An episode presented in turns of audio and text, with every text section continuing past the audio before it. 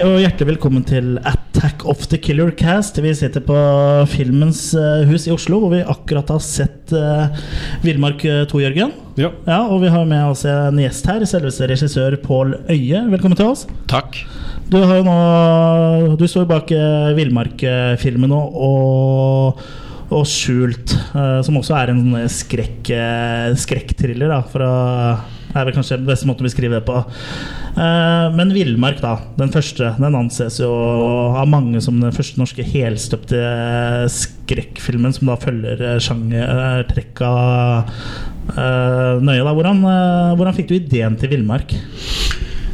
Ideen til Villmark var i utgangspunktet en eh, kom fra en eh, novellefilm som jeg hadde skrevet ned. Det var, det var et vann, og så var det et telt, og så kom et kjærestepar ned eh, på moped, et eller annet sånn, og så gikk de inn i teltet, og så begynte Fordi de skulle kvitte seg med noe tjuvgods, så de kasta alt det her ut i vannet. Så oppdaga de det teltet, og så begynte jeg å ta seg inn i telt, for det var ingen der. ikke sant? Plystra litt, og det inn i teltet. Og så begynte jeg å gå gjennom tingene inne i teltet, for jeg ser jo at dette her er var ting som var utgått på dato, og hvor lenge hadde det stått. Og så begynte jeg plutselig å vende blikket mot vannet. Kan det være at noen har drukna som er inne der? Så hadde det I det hele tatt syntes det var en kjempespennende historie. Da, det å bygge Altså, hvem var inne i teltet? Og, og gjennom bilder og ting og bøker så bygde de disse her karakterene. En spennende novellefilm. Eh, En dag så satte denne historien sammen med team som skulle på eh, Eller altså fem, fem stykker som skulle på teambuildingstur. Mm. Eh, En teambuildingstur som gikk ad undas. Mm. Og da, og da jeg hadde hytte og alt det greiene der, og ideen om at jeg skulle klare seg ute i villmarka. Og så tenkte jeg at det vannet her ville jeg på en måte henge på det teltet der, og at der lå et mysterium, da. Sånn er det ofte historier blir til. At du, mm, altså når du jobber fra ni til fem og dikter historie, så tar du fram en, eh, et prosjekt og ja, så laborerer du litt rundt. Og andre ganger så er historien der fra starten av, men ja, og vi vet jo at virkeligheten overgår jo fantasien, så det er jo bare å sette seg ned og lese aviser, i det hele tatt så finnes det masse historier der ute. Ja, ikke sant. Eh, en eh, ting som du eh, er veldig dyktig på, er jo det å bygge spenning og ha en sånn litt uhyggelig atmosfære. Liksom. Du legger vekt på det da istedenfor uh, Istedenfor uh, jump scares og skremme folk med høye lyder. Eh, Ja. ja. Er, er du enig? Ja, jeg, jeg håper det. Altså, du, du skal jo vite at du innimellom i en sånn film, så skal jo du gi folk en liten sånn eh, nål i låret. Altså. Ja, ja. Så Du skal sitte litt fram på stolen, men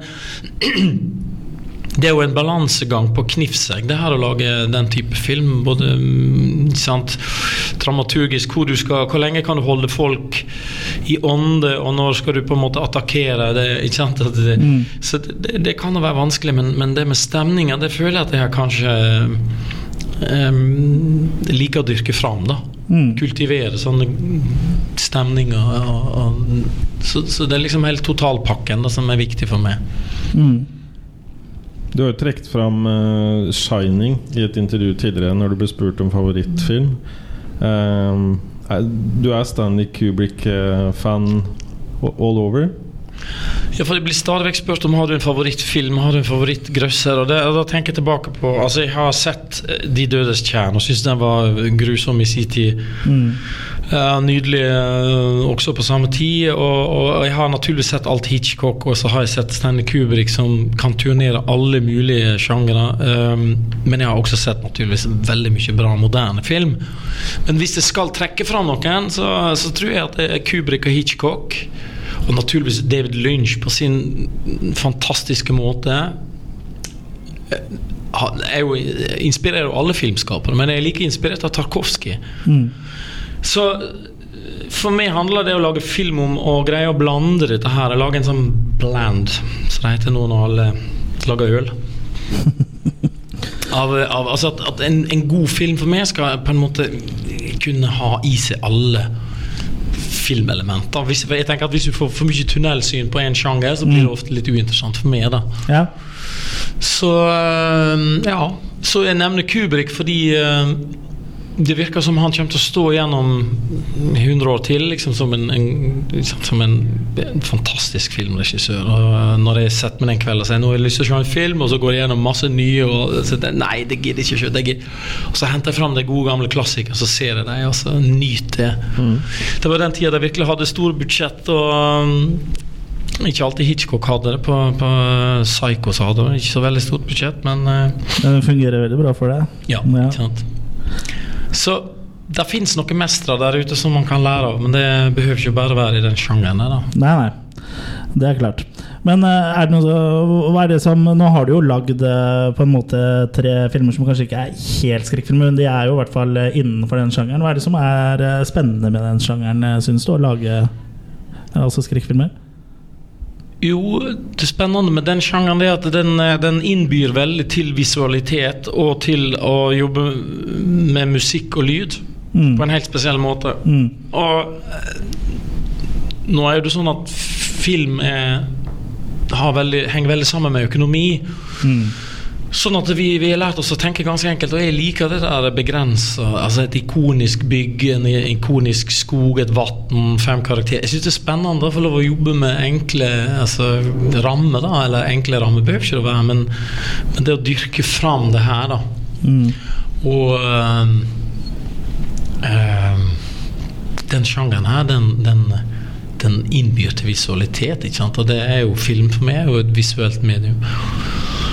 Og musikk og, og, lyd også. At du liksom virkelig får boltre litt der. da En lekeplass, liksom, ja, som filmskaper? Ja. ja, det kan være det. Altså. Og så er, er, det viktig å balansere det. For ja, Hvis ikke så blir det feil, det også. Så det er en, det er en kunst det å balansere disse elementene der.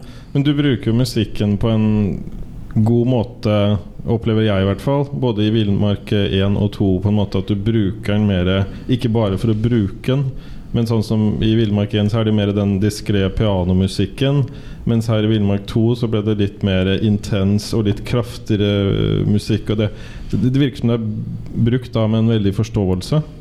Sånn som jeg oppfatter det. Så du må jo ha et veldig godt forhold til musikk sjøl også. Sånn som man opplever det. At du har et følelsesregister i musikken som også kobles sammen med det du ser i filmen. Ja, det, du, takk for det. Jeg tar det som et kompliment. Ja, men, eh, men, jeg er jo utdanna musiker, eller har i hvert fall spilt i mange år og også vært innom um, musikkskole og sånn. Så, så, musikk har jeg på en måte fulgt med nesten like lenge som jeg har jobba med film. Og så skal man også vite at film er teamarbeid, sånn at jeg har fantastisk dyktige folk på laget.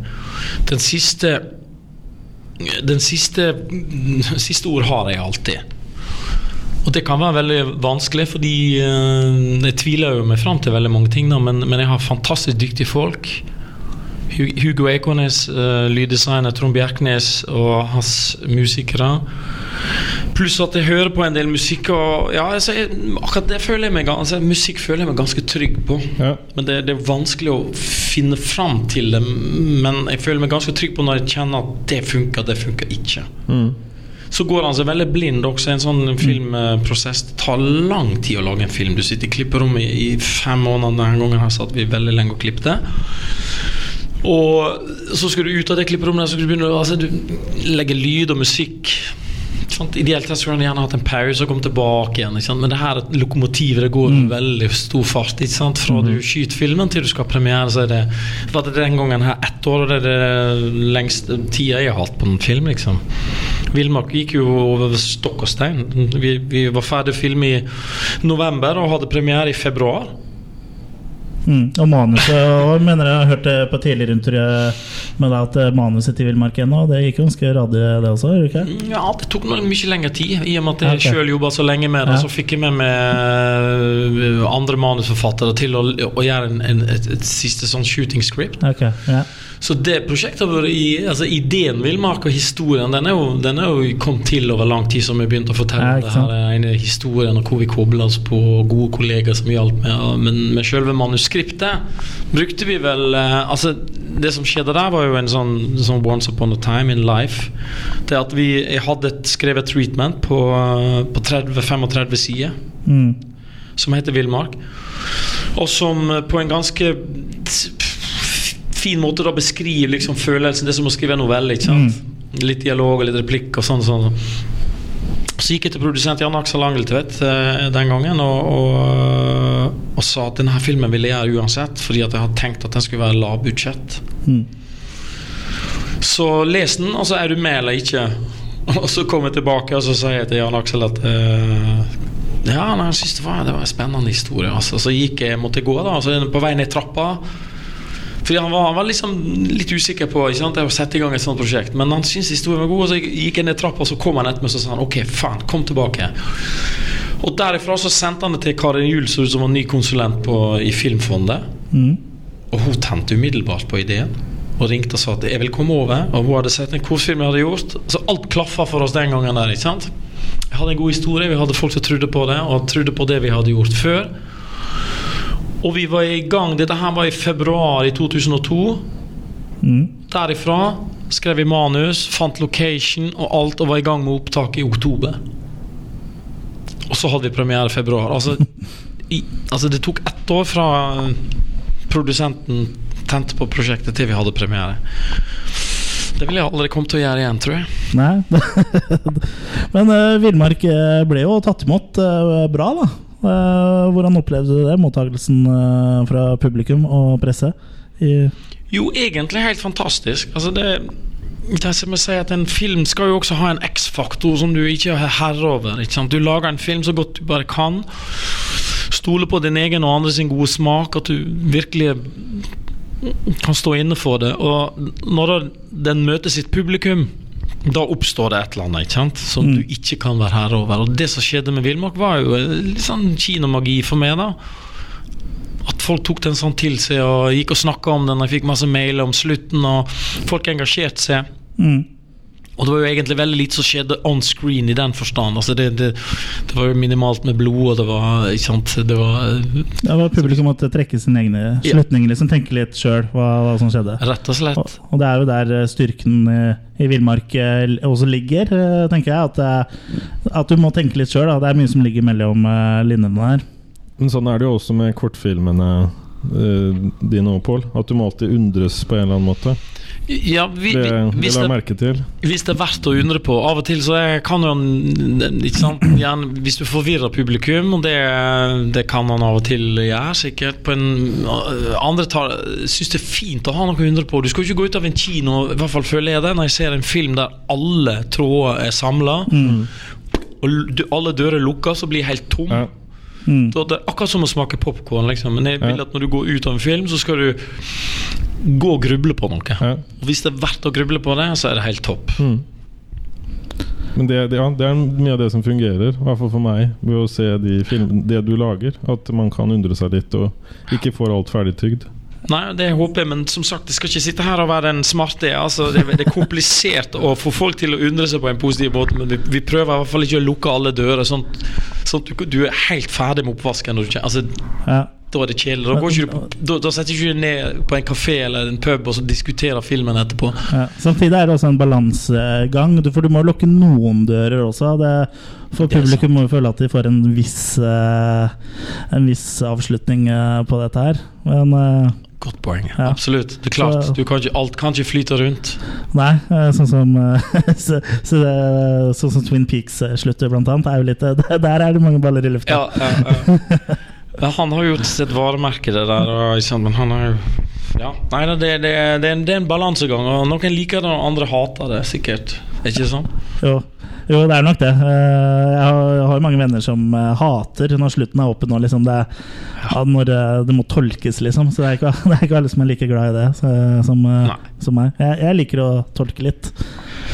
Men etter, etter Villmark så har det jo skjedd en del uh, i norsk kommersiell horror. Da. Det har jo kommet, det har jo kommet en del filmer. blant annet Fritt vilt har jo kommet med litt tre filmer. Og ja, har du se, og Død snø. Vi har jo fått uh, zombiekomedier. Og sjangeren har liksom på, på, en måte fått vokst seg stor da, siden uh, du ga ut Villmark. Har, har, du fått sett noe på noen av de filmene? Hva tenker du om norsk horror generelt? Jo, jeg følger jo med. altså Prøver mm. å henge med. altså Og jeg er imponert over uh, alle som lager film. Altså Det å mm. lage en spillefilm eller en kinofilm er et imponerende stykke arbeid uansett. Mm. Som sagt, der har vi ulike sånne mm, preferanser. Vi har ulike måter å jobbe på. Og øh, hver sin smak. Men jeg syns det vi, vi er veldig fl altså, Masse flinke fagfolk i dette landet her. Altså, vi øh, jobber i små team og får masse ting til. Så vi har ingenting å Vi, vi trenger ikke stå med huet i hånda. Nei, nei. Så, så d- d- spørsmålet er mer om vi, om vi slipper til, om, vi får, liksom, om publikum vil ha det vi lager. Ja, Så skal vi lage ting. Men du er avhengig av et publikum. absolutt. Og ja, det, det er jo helt sant, det. Men jeg, jeg tror ikke at publikum vil ha mer eh, norsk strek. Eller det finner vi kanskje ut nå. Det, det skal vi finne ut nå. Ja. Men uh, folk uh, i, i forhold til Altså Nå var jeg har debutert i 2003 Mm. med Villmark, og det er klart at den gangen altså Det skjedde mye på de årene. Altså du Mm. blir, vi blir torpedert med levende bilder på nett og data. Altså Folk konsumerer på en annen måte i dag. Ikke sant? Absolutt. absolutt. Så det, det, er, det er det som er spenninga her. Med, eh, det, ja.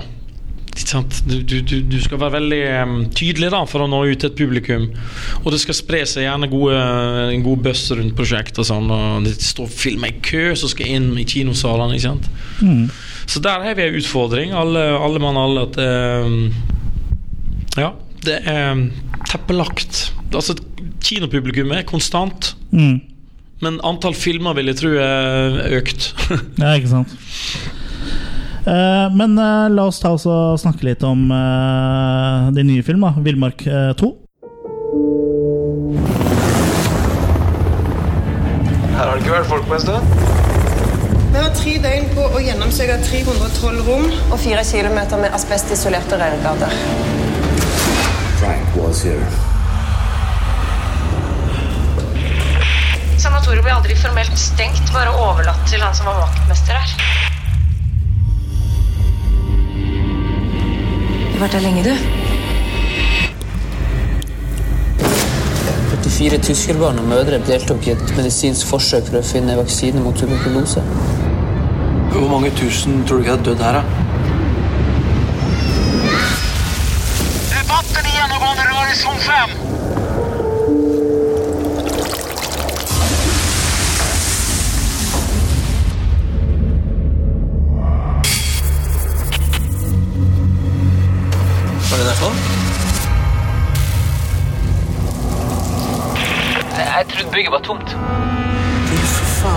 En hel jævla våning til den.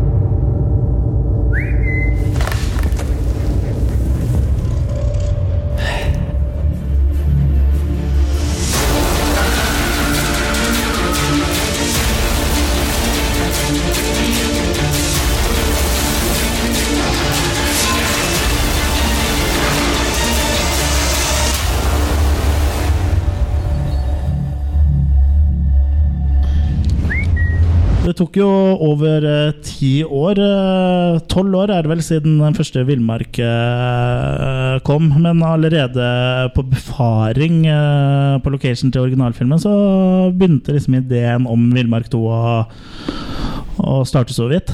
Ja.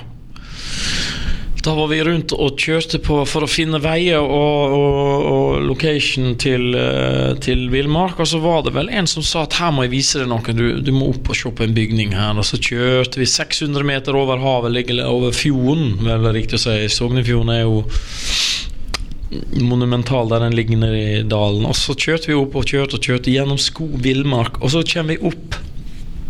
Og da står der altså et bygg som jeg kanskje aldri har sett bilde av en gang før jeg kom der. Og det gjør sånn inntrykk. Ikke sant? Det er Det er omtrent som å se på Keops-pyramiden i Egypt. Altså Når du står foran den, altså for den som ikke har opplevd det, så er det også en sånn ut av det sjøl-opplevelse, altså, eller, eller plattform i Nordsjøen. Altså Menneskeskapte strukturer som bare gjør et veldig inntrykk, fordi det står nettopp der det står, oppe i, i No Man Land. Altså. Ja, ikke sant? Ja, så, så da, da sa jeg til meg selv at her vil jeg lage en film en dag. Ikke Villmark 1, men kanskje en annen film. Og så leste jeg da i avisen om at dette bygget skulle rives. Mm. Og da ringte produsenten, og så sier han i, ringte han i 2012 og så sier han at eh, Ta deg en tur opp, da. Jeg står i, oppe i Kaupangerskogen der du spilte inn Villmark, by the way. Så tenkte jeg jøss, det måtte ha vært et signal for det. Så da reiste jeg opp, og så for vi inn i bygget, og så begynte vi å dikte historie. Og, og mm, laga vi vår første teaser vi, med Sjur Årtun på foto og klipp, som vi Ja. jeg jobba tett med i alle år. Mm. Vi starta dette selskapet Handmade Films i Norwegian Wood.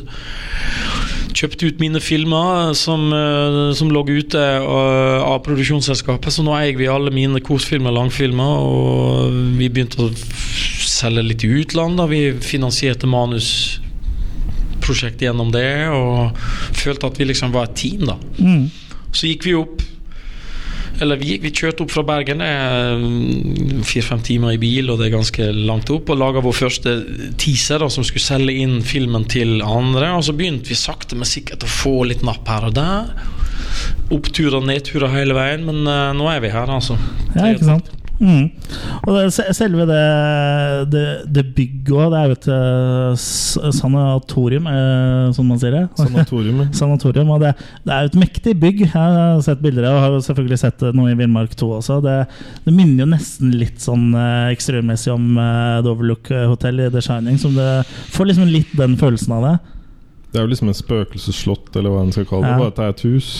Ja, det er jo et sånt Det er jo en katedral. Mm. Villmarkens katedral, som jeg bruker å kalle det. Altså det Ja. Den står der den står, men det er klart at jeg forstår at folk får assosiasjoner til eh, til andre filmer. Og eh, Det kan jo til og med se ut som et hotell, sikkert, hvis han vil det. Men, eh, Ja. men nå er jo ikke det i den filmen her. Altså. Vi tar utgangspunkt i det som er der, og Ja. så kaller ikke vi det Lustes Natorium i respekt for det som var der en gang, osv. Men vi bruker det bare som sanatorie, og så Mm. dikter vi vår egen røverhistorie inn i det her med, med utgangspunkt i, i, i um, tuberkulose og det galehuset som Luster sanatorium var i på, på eh, ja, et, etter det ble lagt ned i Mm. rundt 1950, kanskje. Noe sånt. Mm.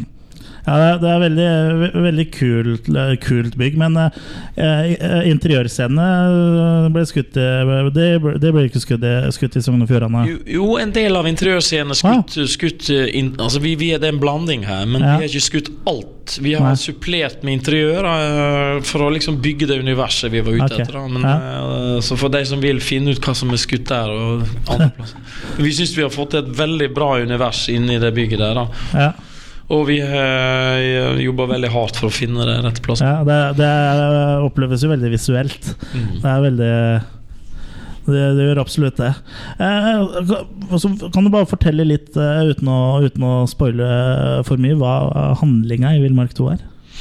Handlinga er at det er fem kontraktsarbeidere som skal opp og forberede rivning. Før du river et bygg i Norge, i et, sivilisert land som Norge, så skal du ta ut alt som er farlig Mm. materiale. Altså asbest, PCB, som er vindu fra I og med at dette bygget her, da, eller vår sanatorium både i virkeligheten og filmen, så er så har sanatoriet blitt eh, altså gjennomgått forskjellige stadier. Sant? Altså, vindu fra eh, 70-tallet er full av PCB.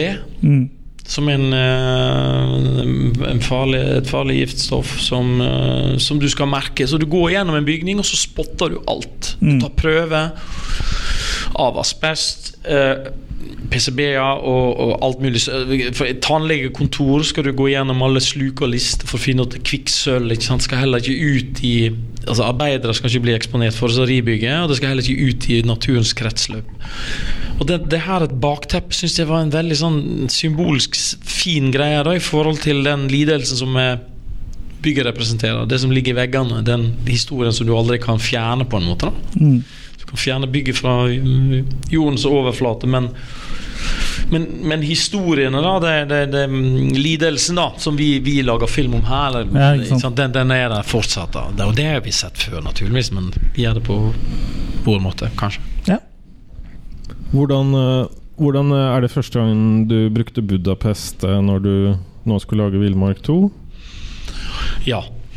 Jeg har aldri, eh, aldri laga film i utlandet før, men denne gangen her så fant jeg ut at vi måtte supplere litt med interiøret. Så, så vi liksom laga en sånn heksebrygg da Mm. av, eh, av interiør. Hvordan, eh, ja, hvordan erfarte du å bruke Budapest?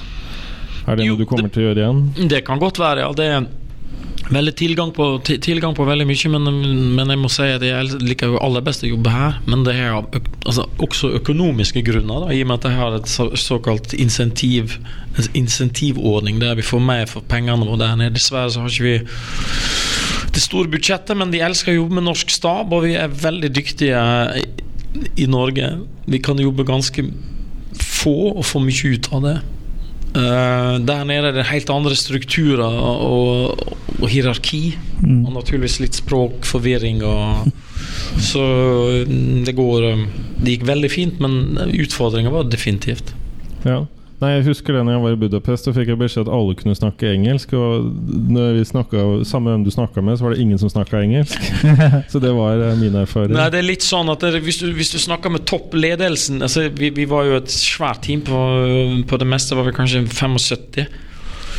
Og da, da kan det ofte bli eh, sant, for stort. Altså, det er jo det vi har hørt om i Hollywood. Så er det alltid sånn at det er alltid en stuntman som skal passe. Hvis en skuespiller velger å falle bakover, så skal det være en stuntman som viser det. Sant, for det har med forsikring og det er veldig sånn systembasert, alt det her. Og, eh, men du snakker med sjefene de ulike avdelinger, så snakker de greit engelsk. Men jo lenger ned i systemet da du kommer på rekvisittavdelingen, jo mindre skjønner de av det du sier. Så du får masse rare ting på, på bordet. Så ikke det Så det er en utfordring rett og slett å kommunisere visuelt. da Ja.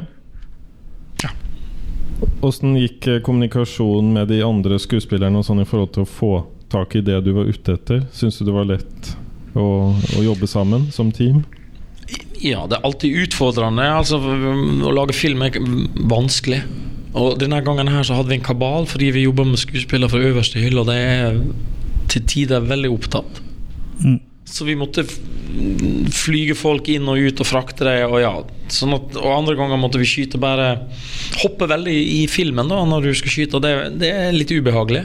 Du vet liksom Du må passe på å finne rette nerven og temperaturen i Skyter du scene 2 en dag, og så skyter du scene 37, ikke sant? og skripten skal passe på at det er svett og blod, alt klaffer. Altså. Så ja, det er nervepirrende, kan jeg love.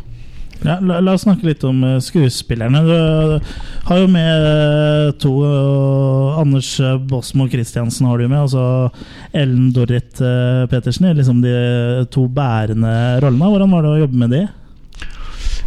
En sann glede. Profesjonelle til fingerspissene, og vi hadde en fin, eh, fin dialog, syns jeg, underveis. Og eh, det er klart, vi, vi hadde noen tøffe innspillingsdager i den eh, Altså, det var vått, det var kaldt, det var guffent. Maskene som de bruker, ga eh, masse Vi hadde problemer med ikke sant, at det, dog, og det var lydproblemer. Så klart det var tøffe tak, altså. Ja, Og, og som sagt litt språkproblemer, men summa summarum så øh, kom vi oss fint gjennom det. Altså. Og jeg, ikke sant, som regissør så jobber du en sjelden gang med en film. Altså Det kan gå flere år mellom, som, øh, som jeg har opplevd. Og når du da møter igjen skuespilleren, så har de gjort sine åtte-ti spillefilmer. Ikke sant? Så det er klart, jeg lærer også en hel masse. Ja. Du hadde også med eh, to litt yngre skuespillere. Da. Mats Sjøgaard Pettersen, som jo har fått eh, spilt en del. Og så hadde også Renate Reinsve. Og, Og Bård Ove, som eh, vi kjenner fra Rige, som også er en av mine favoritt Hvis han kan kalle det en grøsser, det vil vi ikke Mm. kalle det, men en fantastisk dansk. TV-serie som også var banebrytende i sin tid, som tåler tidens tann. Mm. Og som har gjort masse fine norske filmer også, men en utrolig artig skuespiller med et ansikt som bare kamera elsker. Og Ja, Jørgen, vi snakka jo med, med Bård, eh, Ja. Ove og Thomas eh, i stad. Thomas Nordstrøm, ja. Ja, så vi kan, vi kan jo egentlig bare høre på Ja, det. nei, vi kan godt Ja, dere mm. Da sitter vi her med Bård eh, Ove og Thomas Nordstrøm. Velkommen til oss. Takk så mye. Takk for det. Ja, da er Villmark 2 endelig eh, ute, og publikum kan nå se. Hvordan har det vært å jobbe på Villmark 2? Hva sier du Bård? Skal jeg? Ja, du begynner. Jeg, jeg kan börja. Jo, det var, det, jeg syntes at det var et spennende prosjekt. Um, og vi spilte jo inn i Budapest. Mm. Och mest eh, under jord i eh, gamla nedlagda sjukhus. Så själva inspelningssituationen var väl ganska så här eh, skräckfylld i sig. Man trodde att man skulle få ett tak i huvudet eller något sånt där. Men, men, men ehm, det var Det gick bra. Det gick bra, det gick bra. Men det var, det var, man var väldigt mycket under jord kan man säga. Så man var glad när man kom upp och fick andas frisk luft. Man fikk litt sån noja och vara där? Absolut, man fick av det. det. Ja, miljöerna, man fick väldigt mycket hjälp av miljöerna tycker jag. Ja da.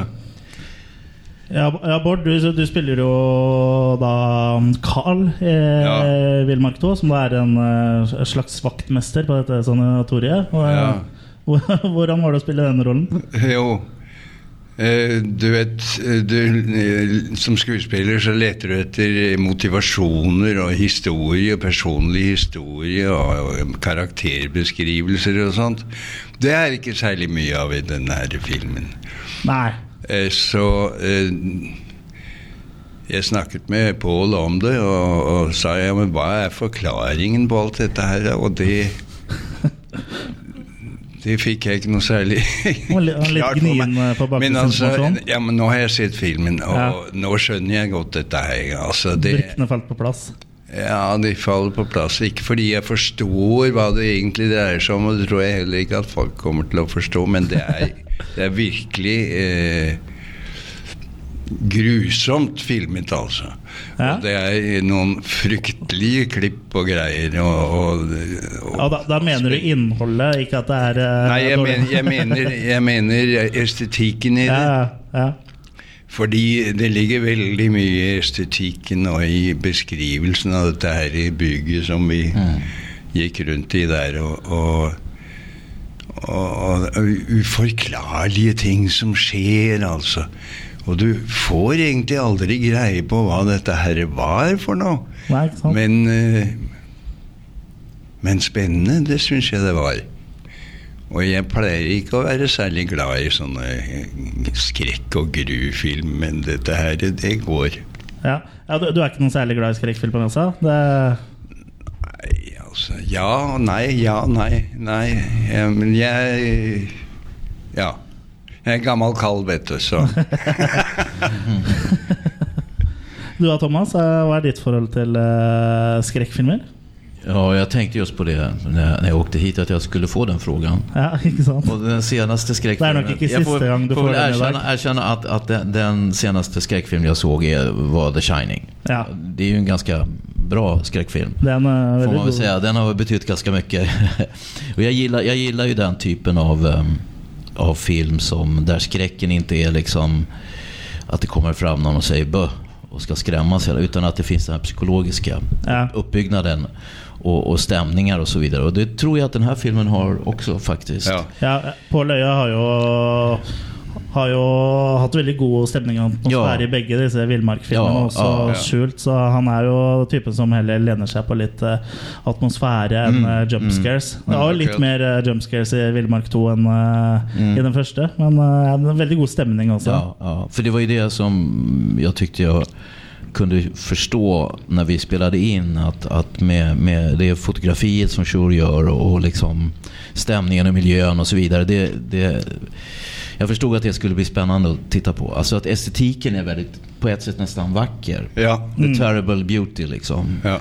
Det fanns något vackert i det här nerslitna och liksom bedagade som vi säger. ja. Ikke sant? Ja, eh, dere, begge dere har jo spilt i eh, veldig mange filmer. Og hva syns dere om den, eh, den boomen som er når det gjelder norsk og også svensk film? For det kommer jo stadig flere filmer, og kvaliteten er jo stadig høyere. Og man har liksom sluttet å snakke om at den filmen er bra til å være norsk eller svensk. Nå er det liksom, er det liksom på høyde med internasjonale filmer. Og og også norske skuespillere og regissører gjør seg bemerka i utlandet. Hva, hva syns dere om det? Ja, det er, jo, det er jo fantastisk. Jeg har precis gjort en amerikansk film f.eks. Ja, Ja. Eh, og det var jo fascinerende å få være med i det. ja ikke sant? Eh, Så att det, och det är ju, jag menar, du bor ju i Danmark, där har det ju länge varit så internationellt. Mm. Jag tror att man har varit, alltså haft ett annat självförtroende där. Sverige har ju, vi hade ju Bergman och sen så har det Mm. väl inte hänt så jättemycket. Det har vært en del eh, Beck og Wallander. Ja. Eh, Jo, men vi kan prata bra filmer här. Eh, eh, Det har vært mye det samme, det är da. ju mer, det är ju mera, det är ett sammanhang, det är ju mera liksom seriefilm. Det är ju liksom Ja. när man fabriksmässigt Ja. framställer film liksom. Men, Mm. men, men eh, jag tror att det börjar hända och norsk film har väl verkligen liksom gjort ett lyft. Ja, ja. og- og det som spesielt har skjedd de siste åra, er at det har spredt seg ut i sjangere istedenfor bare å være norsk eh, sosialrealisme. Så har det liksom blitt Det har blitt skrekkfilmer, og det har blitt eh, krigsfilmer og Ja. Men det, det tyder väl på liksom att då har eh, filmbranschen ett liksom större självförtroende och att det växer. Liksom. För att det är klart att det finns olika intressen att göra film på olika sätt. Liksom. Och att det finns Absolut. möjlighet att göra det då. Förut så kanske det bara var det här socialrealistiska som blev liksom. Absolut. Ja. Det som er uh, spennende i denne her filmen, i hvert fall, det er, det er, det er kameraføringen. altså. Ja. Det er, det er klippingen uh, som, som er uh, subtil noen steder. altså. Du får noen overganger. Og, og, og så har de ikke overdrevet de, de der sminkeeffektene og greier. altså det, det, det ligger i lyset, det ligger i fotograferingen, så ligger det i dette her jævla huset vi har i. altså. Ja. Ja. ja, precis. Vi har, god, vi har god hjälp. Ja, god hjälp Ja, där. kan man. Ja, ikke sant? Ja. Men det var, det var, jag bara, bara säga det, med, jag hade ju aldrig jobbat med Shore förut. Och det tog mig några dagar att förstå att han stänger ju aldrig av kameran. Nej. Ja, sa han ikke det, nei? Så Nej, det var ju bara, det var bara att fortsätta. Man tänkte, oj, nu händer det något här. Så han filmar på. Ja, ja, ikke Och då tror jag kan man kan, kan man jag vet inte om han har använt det, men Han du pratade om att det fanns övergångar som var fantastiska. Liksom. Ja, och då kan det ju absolut. verkligen att han har gjort det. Men uh, tusen takk for at dere tok dere turen, eh, gutter. Så får ha lykke til med videre promoteringa av uh, Villmark 2. Mm. Ja, Tack så mye. Takk. Tack. Ja, det var altså Bård Ove og Thomas eh, Nordstrøm. Begge to har jo spilt i, i ganske mye. Og du sa jo til meg eh, Det var kanskje i all fortrolighet, eh, Jørgen, men jeg sier likevel at du syns at Bård ligna litt på Spock Ja. fra Sånn, Star eh, Trek. Det var sånn vi sa mellom oss. Ja, ja, det er ikke mellom oss lenger. Nei, men det, men det er helt topp. Det. Ja. Det er jo en av mine favoritter. da Ja. Ja. Mm. Men uh, Thomas uh, Nordstrøm eh, han, han spiller jo og Frank en litt sånn tøffing som er da på dette saneringsteamet. Hvordan var det med Thomas? Thomas har jobba med en gang før, det, så han er den eneste skuespilleren jeg kjenner fra gammelt. Mm. Vi jobba på en kortfilm som heter Vakuum, som var mandag-nominert, faktisk. Mm. I 2000 og Ja, hva var det, da? 2000? Var det det? Nei. Ja. Mange år tilbake. Men en veldig fin film. Og jeg opplevde han var Han hadde jo da spilt i 'Salme fra kjøkkenet', som er en fantastisk film. Og synes jeg han mm, tenkte en gang at ja, han skulle prøve ut på det her, i den her som den støvsugerselgen. Og han var så kreativ og fin å jobbe med. Og du er avhengig av at skuespillere kan by på seg sjøl og, og ja, by, by på alt jeg har. Og det, det opplevde han gjorde, og det gjorde han også i den filmen her. Thomas er fantastisk proff. Mm. Og Vakuum var fra 2004. eh, 2004, ja, ja. Og alle kortfilmene dine har du lagt ut på YouTube? har du ikke? Som, eh, Ikke alle. Nei, Men en del Men av noen av det, ja. Eh, Ligger Vakuum på YouTube? Nei. Nei. Den er på filmarkivet.no. Den kan ses på filmarkivet.no. Og den kan også fås på mm, Ja, nei, det skal jeg ikke si på. Er på en DVD, men det er en litt dårlig kopi. ok.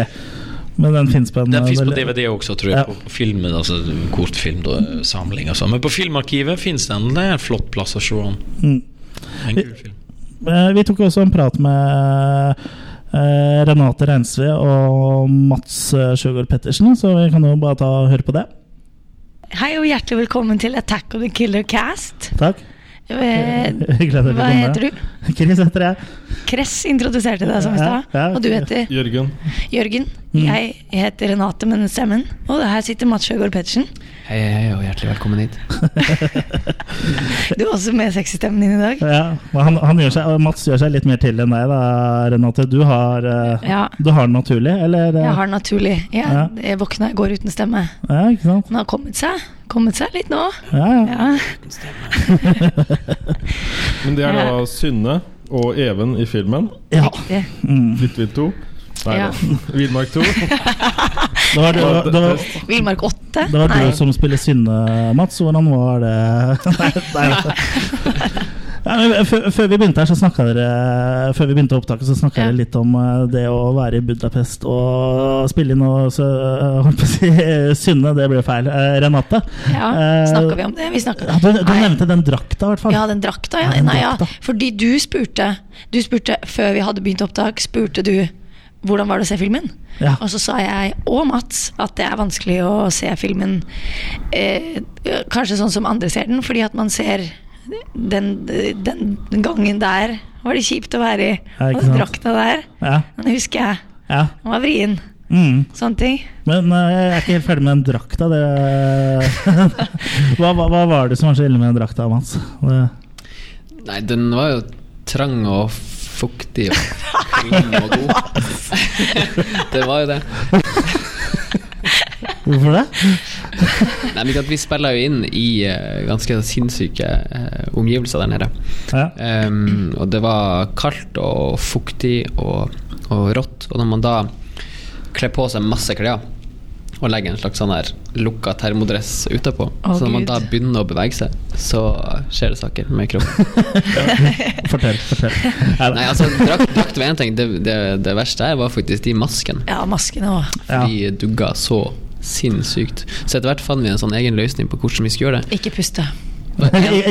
En var liksom Du skulle ikke puste på nærbilder.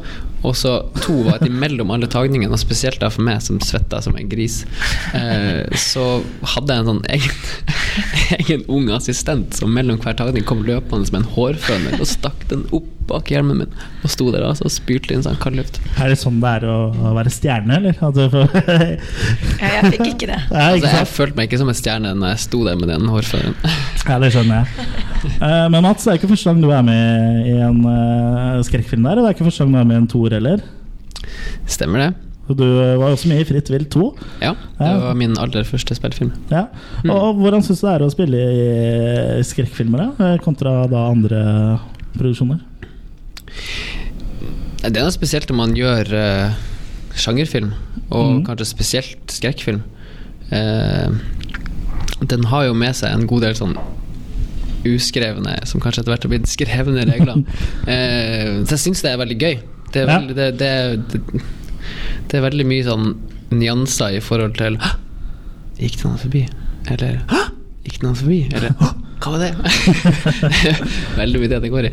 Nei da, em, jeg syns det har vært uh, utrolig kult. Jeg, um, uh, jeg gjorde Villmark 2, som var min aller, min aller første film, så, så var jeg jo helt Fritt vilt. To Fritt Nå er, det er lett å blande disse skrekkfilmene. Alle er jo like, vet du. Men, uh, Jesus. ja, der var det også en sånn kvinnelig sterk dame. Eh, Men er du ganske skvetten eh, som person sjøl òg, eller skvetter du hvis du er ute i skauen og hører en kvist gå eller en elg gå forbi og sånn? Skvetter du?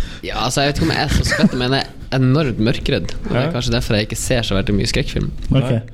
Så kanskje det er derfor jeg liksom gang på gang blir kasta til skrekkfilmer, for at jeg ikke har sett disse tingene før, så jeg har en annen å bidra med. Ja, så da, du, du ser alltid redd ut, liksom? Ser ordentlig redd ut. Ja. Nei, det, jeg syns det aller gøyeste er at uh, jeg har gjort Fritt vilt 2. Mm. eh, og så nå har jeg gjort Villmark 2. Og på premieredagen til Villmark 2 så begynner innspilling av en ny skrekkfilm. Ja, så? Er det noe du kan si om den, eller er det hemmelighetsstempla? Nei, det er en film som heter Cave, Ah. av eh, Henrik Martin Dalsbakken. Okay. Så da skal jeg opp i Jotunheimen og springe rundt der i mørket.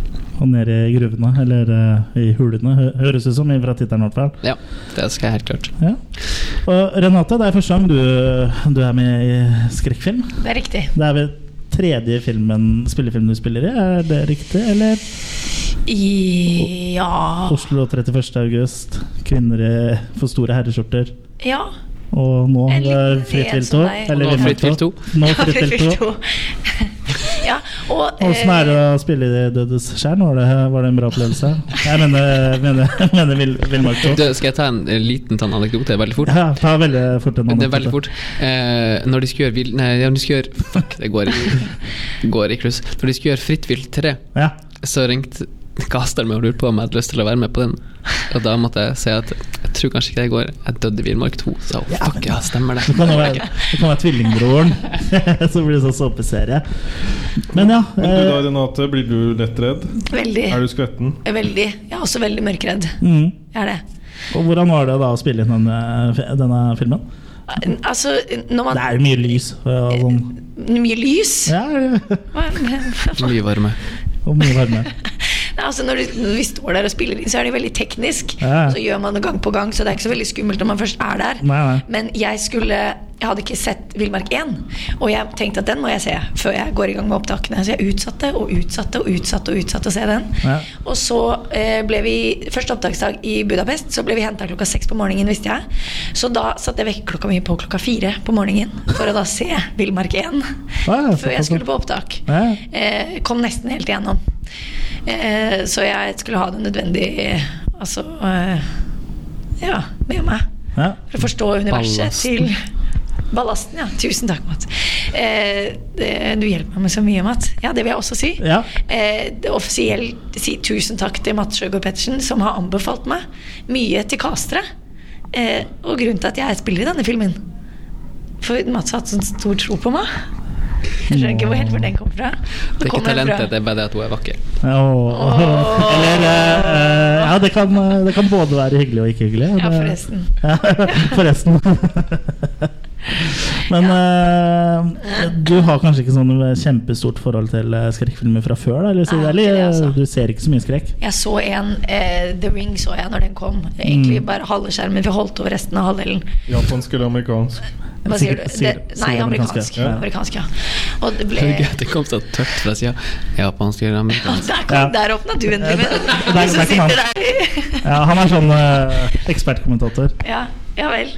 Nå ser jeg deg i øynene og sier dette. Det er sånn bedreviter. Ja, japansk er mye skumlere. Ja, ja, det har jeg også hørt, altså. Jeg har hørt det. Men den den skremte livskiten ut av meg, så jeg så ikke mer halvdel så du på? Øvre eller nedre? Nedre. Puta? Nedre. Okay. Dette var som å ha Drillo i et hjørne. Ja, det, er, det er min jo- Så er jeg, det er jeg på Ja. mange måter Arne Skeie, da. Jeg er jo fra Ja. Østfold, så Mm. Det er jo ikke så langt unna. Var det den amerikanske året. Det er bra å høre litt mer Østfold-dialekt. eh, Det var da. ja, det. Men eh, hvor var vi egentlig? Vi var Du så på The Ring. Du så på The Ring. Ja. Ja, jeg er ferdig med det. Jeg er okay. ferdig med den. Ja, ja, det- Jeg så den. Jeg har aldri sett en skrekkfilm men helt til jeg eh, så Villmark 1. Ok. Og Villmark 2 nå nettopp. Vi kom akkurat fra vi så Villmark Ja, 2. var det første gang dere så den nå, eller? Ja, første, første gang. Ja. Yes. Ja. Og da fikk dere ikke så Det var litt sånn eh, vemmelig å se på, jf. med det, vi snakka om tidligere. At eh, Ja, det dere ser bare på det dere har gjort feil, og Vemmelig på alle slags måter. Ja, men den er vemmelig å se. Jeg syns, jeg syns Ja. det kule med dette manuset og det kule med denne filmen er at den eh, Jeg syns den skiller seg litt ut av den uh, typiske skrekkfilmsjangeren. Mm. Forstand at den begynner så utrolig vanlig, liksom, i Mm. den her disse arbeiderne som drar til, det, til, det, til dette stedet og skal sanere det bygget. Mm. Så begynner ting å skje, men så er det på en måte de virkemidlene som er blitt brukt, og det tempoet som filmen har, er mer en slags sånn uh, røff thriller, nesten, enn det, enn det en sånn hard skrekkfilm, syns jeg, da. Ja. Hva er litt dere om det? eh, utypisk, ja. Mm. Eller atypisk, heter det vel. Og det gjør den veldig eh, Veldig spennende og ganske Jeg syns den var ganske vakkert gjort også. Mm. Og at eh, det ble Man fulgte med på en annen måte pga. tempoet. Mm. Og så gjør skuespillere synes jeg en formidabel jobb oppi Mm. alt dette. Den Er det noen spesielle du tenker på? Ellen, Ja? Thomas, ja. Bård Ove? Bård Ove Renate Reinsve? Renate Reinsve? og, eh, og Anders. Ikke, ikke Mats. Ikke Mats. Eh, Fy faen, altså. Det, ja. Altså Nei da. Ja, Er dette forresten en humorpodkast? Altså Vi har jo eh, godt humør. Vi har godt humør. Det er litt sånn eh, For, for, for å fortelle litt om oss, da, så er det en sånn lettbeint podkast om, eh, horrorfilmer, trashfilmer, eh, B-filmer og kultfilmer. Så det er, vi snakker om utrolig mye rare filmer. Uh, oh, ja, så spennende. Uh, eh, ja. Det var veldig deilig å komme hit jeg kjenner, etter å ha vært på intervju med God kveld Norge. ja, ikke sant? Sånn befriende, kanskje. det ja. Er du singel, Mats? Ja, har du noen i kikkerten? Terningkast fem. I denne uka har Mats Sjøgaard Pettersen prøvd analsex for første gang. Det var veldig interessant. Hva med han? Vi ble med han og kjæresten til Gran Canaria. Herlig. Ja, men det er, det er hyggelig at, uh, at du syns det er litt mer avslappende hos oss. Det er det som er meninga. Hva syns du, Renate? Det, Jeg- du, du bare tenkte hva er det her for noe? Nei, det er, jeg, det er min første podkast. Jeg er litt nervøs, og jeg får litt prestasjonsangst av at man takler det så bra. Ja. Og eh, det gjør jeg. Kan du slutte med å overrasket. skuldrene til Mats, Chris? Chris? Kan du sette deg tilbake? Ja, også at det er litt sånn forskjellsbehandling Nei, her. nei, nei, nei. nei. Ikke lenger ned. Ikke lenger ned. Det holder der. Hold Nei, det- Korsryggen, litt, er bra litt til, Mats. Litt til. Det er veldig forskjellsbehandling. Det får jeg også Blind. Nei, jeg kan bare bare se det der. Au! Au! Der, sånn. Au! Ja. Au! Au! Slutt! Drillo borti hjørnet der. Året det går. Men eh, eh, hvordan var det å være ved sanatoriumet? Vi var aldri der. Dere dere var ikke der? Nei. Var aldri der. Vi var aldri der. Jeg har aldri vært der. Nei. Vi var i Budapest, i gamle nedlagte kommunist-torturkammeret. Og ja, nedlagte sinnssykehus og galehus. Der var Det var ikke noen gamle kommunister som gikk igjen der? noe sånt? Eh, Karl Marx? ja. Ja. Så Nei. Du må unnskylde Renate, Jørgen. Hun er litt, litt for ung til å vite hva en kommunist Skjønner ikke referansene. Nei! Nei! hun Nei, bare hun jeg- trodde det var du, han som Du har sagt låten én ting før. Jeg føler at du er han seriøse som jeg skal svare seriøst Ja. når du kommer med et sånt spørsmål. Og Renate, du har så mye å lære. Du har så mye å lære. Men, ok, eh, for- men Renate, du vet forskjell på Max Martin og Karl Marx? Ja, jeg gjør Hvem det. skrev låtene til Backstreet Boys? Det var Det- Karl Marx. Ja. Det vet jeg inderlig godt. Tror Jeg det var har meg eh, frabedt. Manus? Nå er- Max Manus. Mats. Ma- Mats Manus. Ja. Mats Manus. Og kjæresten på Gran Canaria. Gran Canaria. Det er dekket av Men hadde du et spørsmål om filmen, Jørgen? Var det Ja, men Det var jo et spørsmål om filmen. Ja, si det igjen, da. Ja, Men de har ikke vært der. Nei. Nei. Nei. Men du så jo bilde av san sanatoriet nå, da. Det var et fint sanatorie. Eller ja, kul, da. Sånn svær, sånn skummel bygning. Ja. Og du turt å overnatte der? Nei, ikke et spor. Som Mats? Nei, har de der nye interessene sine. Ja, ja. Det hadde jeg ikke turt. Det er litt skitt å være tredje på vogna. Altså. Ja. Med dere to Det vet jeg og ingenting den om. massasjen. Ja, er det jeg som skal til Gran Canaria? Ja, ja. Men var det noe Så lenge TV 2 betaler, så er det greit. Det er ikke meningen å være seriøs, men eh, var det noe punkt eh, hvor eh, det, at dere måtte bare på en måte kutte? Hvor det ble på en måte bare for sterkt opplevelse, eller ble det noen gang når, dere filma? At Dere har nevnt den der klaustrofobiske følelsen og drakta. Var det noen ganger dere bare måtte ja, ta dere fem minutter? Nei, de, eller bare to, nei de, de- tingene der var jo bare en styrke. Ja. Når Mm. vi ble altfor slitne og hadde det vondt, så var det jo egentlig bare et pluss. Ja, men Begynte noen av dere å gråte, f.eks.? At det ble så intens? Mats? Nei. Nei? Nei, ikke jeg heller. Nei? Nå ser veldig anspent ut her. Nå titter hverandre. Akkurat som om man har inngått en sånn pakt om at eh, det her skal vi aldri snakke om. Husker du den gangen i Budapest? Det som skjedde her? Det vi aldri skulle nevne. Vi nevner ikke det nå. Nei, det ikke husker her. jeg ikke. Vi sparer det til God kveld, Norge. Mm. Men Frister det å dra tilbake til Budapest igjen, eller? Du, det var en fantastisk by. Mm. Jeg trivdes veldig godt der. Jeg var jo der veldig lenge. Jeg var det jo den måneden i strekk. jeg. Jeg skulle gjerne vært der uh, lenger. Jeg drar veldig gjerne tilbake. For at jeg drev og jobba med et annet prosjekt i Oslo samtidig, så jeg fløy bare opp og ned. Så det eneste jeg har sett av Budapest, er innsida av et hotell. Eh, og så er det vi var på, og så den italienske restauranten på hjørnet. også. Jeg var mye på gymmen. Ja, Der lærte jeg noen eh, det er sånn vekttriks av deg. Det var fint, det var en fin periode for meg. Jeg har store muskler nå. Jeg. Vekttriks. Nei, altså, Det. Ja, Ja. Jeg lærte å løfte vekter. Ja. Nei, men jeg drev på med opptrening til eh, eh, Nobel som, ja. Nei, til Nobel, som er en TV-serie som jeg Ja, ja. filma ferdig. Eh, og Anders var på full Anders Bassmann var på full slankekur til eh, Kongens nei? Kan det stemme? Nei? Eller Nei, ikke Kongens nei. Jo. Til eh, Det var vel det. Var det Kongens nei? Var det ikke det, da? Til Kongens nei. Ja. Da har vi, da, da har vi, da har vi det på det rene. Men eh, var det å jobbe med regissør Pål Øye, da? Eh, for å dra oss litt inn eh, igjen. Du, jeg syns det var helt fantastisk. Krevende var det, men helt fantastisk fordi at han er jo som en liten unge. Ja. Um, han er veldig han, intuitiv, og, og uh, du vet alltid hva han tenker om ting, for han er, han er, han er kjempeklar, liksom. Mm. Er han sint, så er han sint. Likte han det han så, så, så likte han det han så. Blir han rørt, så blir han til hele grad rørt. Og han er bare sånn Man leser som ei åpen bok, liksom. Ja, det er veldig det er veldig, egentlig veldig kult å jobbe med eh, regissører som, som er av det kaliberet, liksom. For da um, vet man alltid hvor man er i løypa, og hvor man skal. Det er en sånn ærlighet i den prosessen, da. Som av og til kan liksom med andre mennesker filtreres fordi at man tenker pedagogikk i det. Og det er det utrolig deilig å møte folk som, som han, som er bare 100 til stede. Ja, så bra. Du Var, eh, var Pål mye sint på deg, Renate? Så du var veldig enig når Mats eh, sa at når han er sint, så er han sint. Irriterte du Pål? Nei da, vi hadde en eh, veldig festlig tone. Vi er, var på, eller er på samme alder som datteren hans, tror jeg. Så han fikk en litt sånn Han var jo borte fra familien sin. Ja, ok, Så du ble Så vi fikk litt sånn far-datter-forhold, vi. Ja, ja. Det var veldig, veldig hyggelig. ja.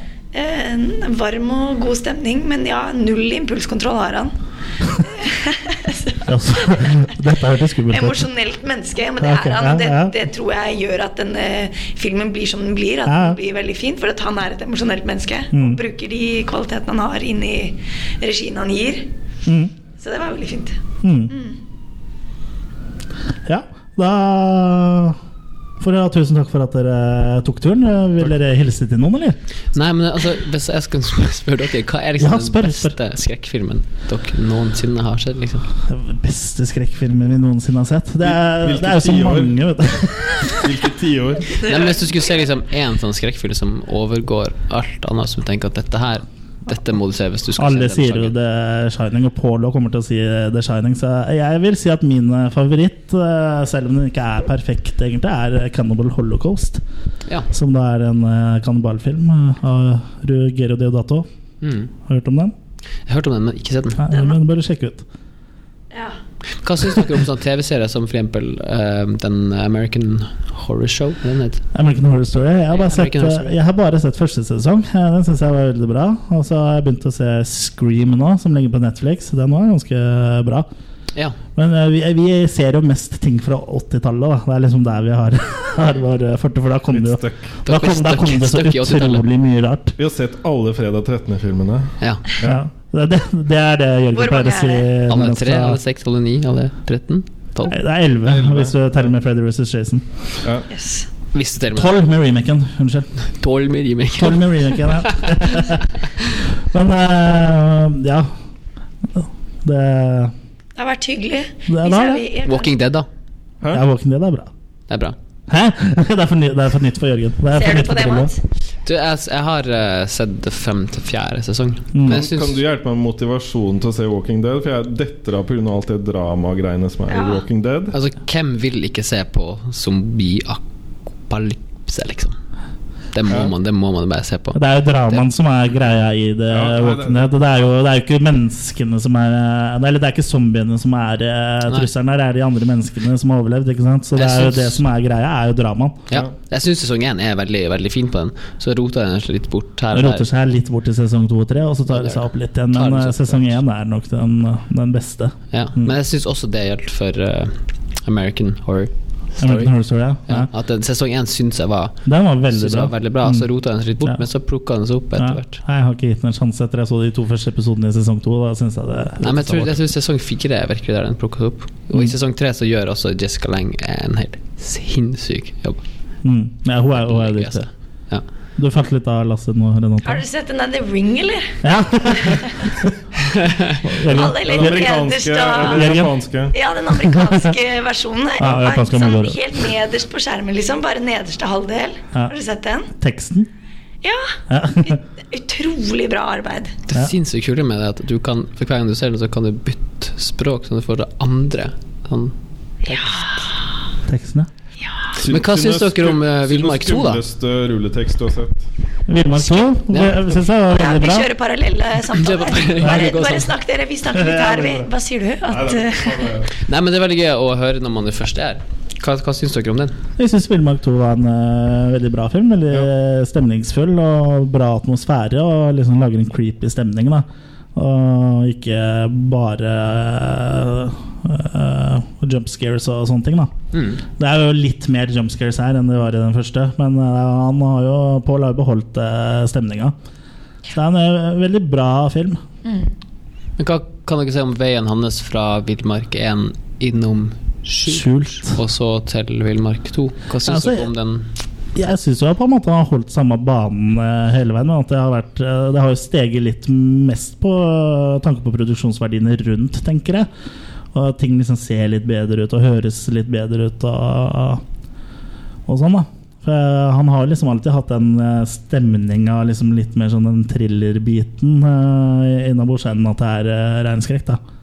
Nå Du ble ser det jo både Villmark og Skjult. Ja, den her var kanskje litt mer eh, skrekk enn ja. Villmark og Skjult, så, sånn sett. Ja. ja. Mm.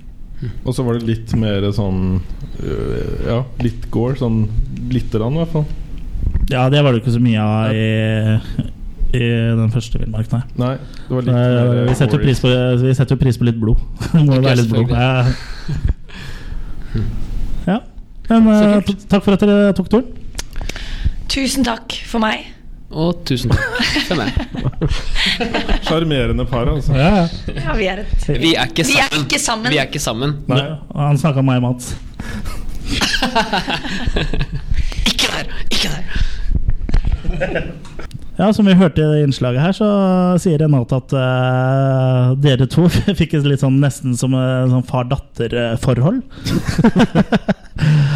I og med at eh, du visst har en datter på omtrent samme alder. Så, hun fortalte i hvert fall at hun følte at, eh, at dere fikk et sånn far-datter-forhold. Uh, opplevde dere det samme? ja da, på, på sett og vis. Renate er veldig skjønn og uh, hun utrolig talentfull. Mm. Og har kanskje gjort minst film av, av oss alle, men jeg er virkelig i ferd med å få en lang CV også. Men eh, jeg gjør det kjempesterkt på teaterscenen. Så, så vi var vel litt sånn um, Vi jobba vel litt på en litt spesiell måte, da, i og med at hun var den yngste.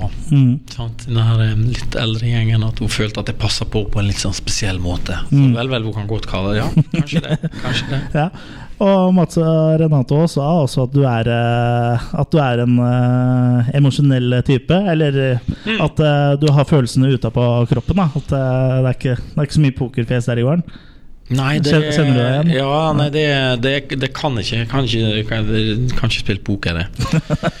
Men eh, nei, for det er veldig emosjonelt, altså følelsesmessig sterkt å, å, å være på filmsett. Fordi det, så, det kan være ganske sånn fysisk krevende, du møter Ja. skuespillerne. Du, og du vil jo gjerne at alt skal gå på skinner, og så gjør ikke det alltid det, og så blir du litt? Det er da du må ha pokerfjes. Når, Ikke Du, får, du, for du søker jo det perfekte, det får du nesten aldri. Og da må du på en måte kunne leve videre med det. Men jeg tror litt av det som er bra i en sånn sammenheng, det er at du du skal, Det skal gå inn på det når ikke det blir eh, så bra som du vil. Mm. For da må du gjøre det en gang til, og så pusher du litt grenser. Og så må produsenten finne en balansegang der. Liksom, hva kan du tillate regissøren å Så jeg vil si eh, summa summarum så tror jeg det er en bra egenskap. Jeg hadde lyst til å spørre Pål om forholdet ditt til digitale effekter. Jeg har inntrykk at det er noe du ikke vil bruke så mye i film. Nei, jeg kan fortelle en litt artig historie her. Og det er at jeg har jobber med en fotograf og en produsent som ikke er redd for digitale effekter. Men det er klart det er ingen som vil ha dårlige digitale effekter, men, men de er altså ikke redd for det. Det er for så vidt ikke jeg heller. Nå har vi hatt en fantastisk dyktig eh, CGI-mann eh, på laget. Um, og, men i starten av filmen så er det, kommer denne gjengen inn i et helikopter. Som da lander ganske frekt og freidig foran bygget. ikke sant? Mm. Og Vi hadde en lang diskusjon, og det hadde med økonomi å gjøre også, for det kosta flesk å få et helikopter opp dit. Altså, vi skulle ha last under, og jeg hadde masse ideer om at denne lasten skulle liksom sveve over skogen. da Mm. Og det, liksom planter det som en um, fuglplante, eller liksom, ja, Mm. egg eller et eller annet sånn bille, billemessig. Men så begynte jeg å diskutere at vi, vi kunne rett og slett lage et digitalhelikopter. Fordi eh, vi, vi skyter jo interiøret i helikopteret en helt annen plass. Ikke sant? Green screen og alt det greiene. Og jeg var så skeptisk. Og vi krangla. Og vi fikk til og med et selskap til å lage et forslag, og de er jo blitt så dyktige på det, men eh, jeg insisterte og sa at det er ikke kul krampe om jeg skal ha et digitalhelikopter i villmark. Det skal være ekte vare. Mm. Og vi fikk ordna oss en deal, og øh, alle måtte krype til korset. Og når vi kom opp dit og fikk det helikopteret som ikke kunne komme pga. vær og vind, og sånn, så vi måtte vente til dagen derpå. Og da kom det inn. Og når vi så det komme over bygget der og ned, så var det ikke mange rundt meg som tvilte på at det var korrekt valg. Altså, for han, piloten han var tøff, altså. Mm. Sånne, sånne valg er det du hele tida står overfor. Ikke sant? Det står alltid noen rundt og mener noe annet, og sånn, og innimellom så tar de, har de rett. Andre ganger så, tar, så skal du stå på dine krav. Altså. Mm, så det er et ekte helikopter vi ser i startsekvensen her. Det er så ekte som det kan bli. Mm. For jeg tror ikke du vil gå på akkord med ektheten hvis du må Nei. velge. Nei, Nei. definitivt ikke. Men det må være så mye CGI-effekter det vil, for meg bare ikke sitte og tenke på det. Nei. Og det skulle være artig å vite om Ja, der er noen CGI-effekter her også, men det er veldig so fint Subtile. Ja, jeg syns Og det. Det er jo det du skal bruke det til. Det skal brukes som et verktøy, ikke sånn uh, pumpe ut uh, Ja, ja. masse ting som bare kommer i fjeset hele tida. Mm. Så de gode spesialeffektene er jo de du ikke tenker over. Ja. Det blitt, men det er blitt veldig mye godt håndverk der nå. Det Absolutt, det, absolutt. Virkelig. Altså, så det, det er kanskje litt der med at det er litt eh, old fashion, da, at jeg ikke har fulgt Ja. så godt med. Og, og no- no- norske produksjoner da, har jo hatt en veldig rask utvikling der. Det har vært en bratt kurve her. Det begynte vel egentlig med Max Manus. Mm, ja, hvor han da liksom det. legge bleacher i vannet der og, og liksom ta green screen ut bygninger og, og lage 3D-byer og sånn. Man tenker ikke over det når man ser det, når det er gjort eh, på en bra måte. da Nei, Nei, er det, det som det- er veldig effektivt. Da. Kjempefascinerende. Altså, så der ligger det, der ligger det muligheter. Altså, det, og det er nok en gang så flinke folk i, rundt her. eh, I, fagfolk i Norge. Mm. Så vi skal være veldig stolte av. Men vi er ganske få, da. Det er jo det som er forskjellen. Men vi er minst like gode som alle de andre der ute. Det er ikke Ja. tvil om. Ja, nei, det, norsk film er jo, er jo på Er jo i fokus for tida, både i Norge og i, i utlandet. Det vel, eh, har vel knapt vært så mange nei, norske skuespillere og regissører eh, som gjør det bra i staten òg. Virkelig. Så det er sikkert litt overraska over hva vi kan få til for relativt altså, I og med at vi er så små. Ja. små penger. Men Mm. eh, det er jo ikke alltid sunt å drive og jobbe med små budsjetter. Men eh, at det ligger jo mye hjerte i, i et sånt prosjekt. da. Du vil jo liksom få det til, og sånn, men eh, vi skal jo betale folk, selvsagt. Og det gjør vi også. Men eh, det, det, det er det som gjør at film koster penger. ikke sant? Mm. Koster å lage en god film. Skal det, gjøre, skal det gjøre også.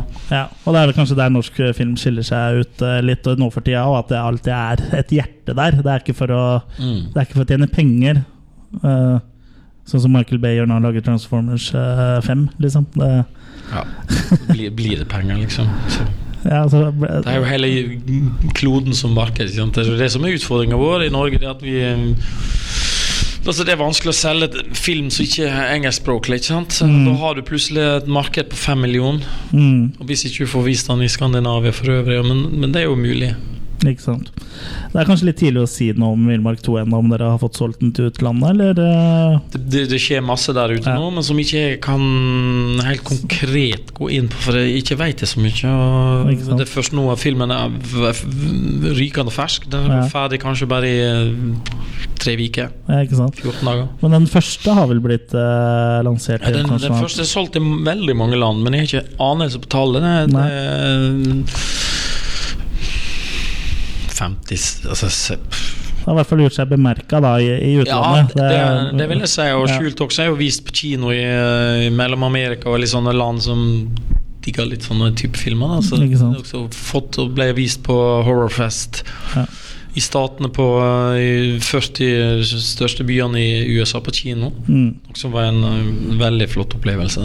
Men er det, er det ett eh, filmpublikum som ikke bryr seg om eh, språk på filmene, så er det jo hor horrorpublikummet. Vi ser jo japanske filmer, spanske og Så for liksom eh, det publikummet der, da, så spiller det ikke noen rolle at eh, man prater norsk. Og nå har jo også norsk skrekk etter hvert eh, fått seg blitt eh, uh, kjent i utlandet også, og spesielt eh, med Wirkolas uh, Død snø-filmer òg. De òg har gjort seg veldig bemerka i, i de kretsene der. da. Absolutt. Nei, men jeg, jeg opplever jo det. Altså, det har vi opplevd nå også i forbindelse med vårt prosjekt. At verden, altså, Europa har et blikk Mm. Det er et blikk utenfra inn på oss nå, altså. Mm. Så øh, Og det er jo klart Du har denne her nordic, nordic noir-stilen og i det hele tatt, så, så jeg tror det ligger til rette for masse spennende framover. Ja, altså, øhm, men vi må bare liksom dyrke vår egen art og så gi litt blaffen, og så kommer de hit. Ja. Etter oss. Jeg tror det. Og det er jo den norske naturen som ofte er, er i de filmene. Sånn som eh, Du har jo skogen i villmark og, og snødekte fjella i, i, i hvert fall første fritt vilt, da, som eh, liksom eh, er som jeg tror er tiltalende for, eh, eh, for eh, de fra andre land. eh, Amerika og også andre land. da Ja, blant annet. Ikke bare naturen, men den er jo Vi kjørte jo gjennom ned over hele Vestlandet i går, og Mm. fantastisk flott, flott eh, flotte Vestlandet. Men, men, men også historien og karakteren. Måten vi turnerer virkemiddel på eh, i det hele tatt, så, så, så tror jeg vi er ikke uinteressante der ute. Altså, for vi, eh, vi tenker, Tankegodset vårt er kanskje litt Kanskje litt forskjellig her og der. Altså, ja. Eh, en ting jeg la merke til som jeg også hørte bemerka i etterkant uh, sånn offline, uh, var, var den dynamiske lyden på, på filmen. Og det, den, var, den var behagelig, sånn i forhold til sånn han var satt opp med lyd og sånn på Når vi så på visninga nå i stad. Og det, det, er ikke alltid Ofte så vrenger de lyden for høyt opp eller for lavt, eller Og der, eh, ja, der syns jeg filmen scorer bra. Sånn i forhold til måten å ha Ja, volumet på lyden. Nemlig. At den sitter tight. Ja. Og jeg har nok en gang fått jobbe med Hugo Ekorné, som jeg har jobba med på alle mine kort- og langfilmer, når, vi har penger til å, å gå på storyline og jobbe med disse her fantastisk flinke folk. Og Gisle Tveite også vært inne, og Foley-folka der. Altså, virkelig verdensklasse. Um, det er ikke bare jeg som påstår det, men andre som har jobba i utlandet, som jobber med de samme folkene. Det er, det er utrolig smakfullt, det de gjør, og, og, og veldig bra. Og filmen er, er miksa på en fin måte, og vi, vi passer på å jobbe dynamisk. Det skal aldri være ubehagelig høyt lenge. Du skal, du skal alltid dyrke fram noe stillhet også, ikke sant? at ikke det blir et sånt eh, så det, det er fint du sier, og eh, jeg var inne og hørte litt på han sjøl også, og tenker at den blir aldri eh, ubehagelig. Fordi den, men, men den bruker hele spennet, hele spekter, hele veien. ikke sant? Mm. Ja, veldig god lyd, uh, syns jeg. Og du, du hadde jo også brukt litt, eh, litt eh, popmusikk òg. et par sånne her, eh, kollasjer her, og det, det, friska opp. Det var gøy, det. Ja. Ja. Vi, vi hadde nok ideer der som vi fikk gjennomført, og så Han er veldig godt fornøyd med de låtene som er med i filmen. Det er jo, det er jo to, da. Mm. Pluss all filmmusikken som Ja, nei, der, der er nok forskjellige sånne Ja, er åpninger som er vakre, og sluttmusikken eh, Og så har vi mye I det hele tatt det spennende, spennende lyd bilde, vil jeg påstå seg. Altså. Mm.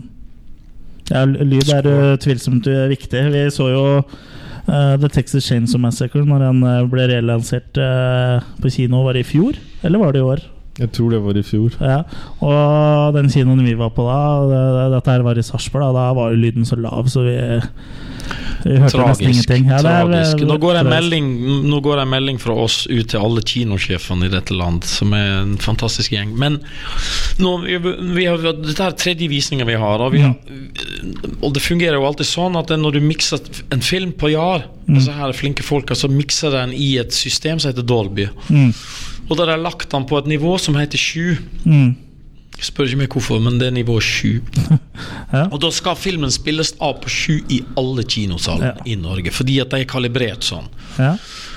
Det veldig mange opplever, av både kinomaskinister og kinosjefer, det er at, at det er filmer som helst ryktes som kommer fra Hollywood, som, ha, som har på en måte pusha og reklamen og pusha den grensen der. Sånn at for å, for å skrike høyest, da, så, så ligger det nivået for høyt. Ja. Og da klager publikum. ikke sant? Ikke sant? Og sånn at vi har opplevd nå at folk har lyst til å spille filmen vår på fem. Fordi at den står på fem. Fordi publikum klager hvis de setter på sju så for høyt. Men så har vi da laga en film som dere sier som er veldig bra Mm. på det nivået. Mm. Og den skal spilles på sju. Den spiller best på sju. Mm. Derfor så må vi nå drive en kampanje der vi går og sier til alle kinosjefene ikke spill av Villmark 2 på fem. Mm. Den skal spilles da på sju.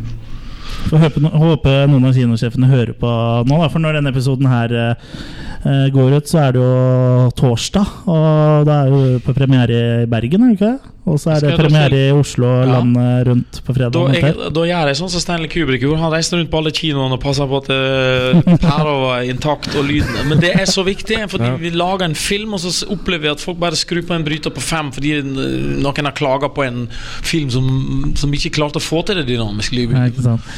Det er viktig, altså. Det er så viktig at Jeg mistenker vel også at en del av de Hollywood-filmene, eh, i hvert fall de storfilmene, ikke har så dynamisk lyd. At det er veldig komprimert, at det er liksom full uh, guffe hele tida. Ja, det, altså det blir en konkurranse som hvem som skriker høyest. Mm. Og så blir det, forstår jeg godt at folk blir drita lei, og skrur det ned. Og så blir den bryteren stående der. Men det er veldig trist for kinopublikummet å ikke få den der fine filmopplevelsen. Det er når filmen blir Altså, bildet er jo stort sett nå litt likt overalt. Det er veldig høy kvalitet på disse her eh, DCP-ene. Men, men lyden der svikter eh, dessverre veldig mange kinoer fordi de er skremt vett av publikum. ikke sant? Mm. denne gangen her altså, Vi lager ikke en film på sju hvis det ikke funker på sju. Nei, ikke sant. Du nevnte DCP. Hva, altså, hva syns du om eh, digitaliseringen av kinoene? Er du, eh, er du fornøyd? Er det, eller savner du rullen? Nei, det, det vil være feil å si at jeg savner rull, men jeg savner det gjennomlyste bildet. Jeg savner celluloiden som Mm. får lys gjennom seg, og uh, teksturen. Det for å være litt romantisk og nostalgisk. Og jeg synes at veldig mange ting ser likt ut nå. Ikke sant? At Du Ja. ser en film, og så ser du plutselig en reklamefilm som er skutt på et lite budsjett av noen tolvåringer, så ser det jaggu meg omtrent sånn ut, det også. Ikke sant? Sånn at Ja. det var jo noe med den der eh, tiden da der det liksom kosta. Du hørte lyden som pengene rulla gjennom Mm. eh, kameraet. Ikke sant?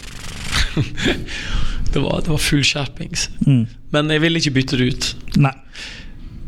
Eh, og eh, det er en litt artig historie der. David Lynch, som har gjort så mye fint på 35, altså tenker på Straight Story og Mulholland Drive Mm. og Twin Peaks som var skutt på Super 16 eller 35, jeg er ikke sikker. Kanskje Super 16? Nei, nei kanskje 35. Han var jo møkka lei det svære apparatet. Han ville jo skyte på, på, på DVD når det nye DVD-videoformatet kom, og gjorde det. Mm. Og jeg syns ikke resultatet var så veldig spennende. Det må jeg bare ærlig innrømme. Mm.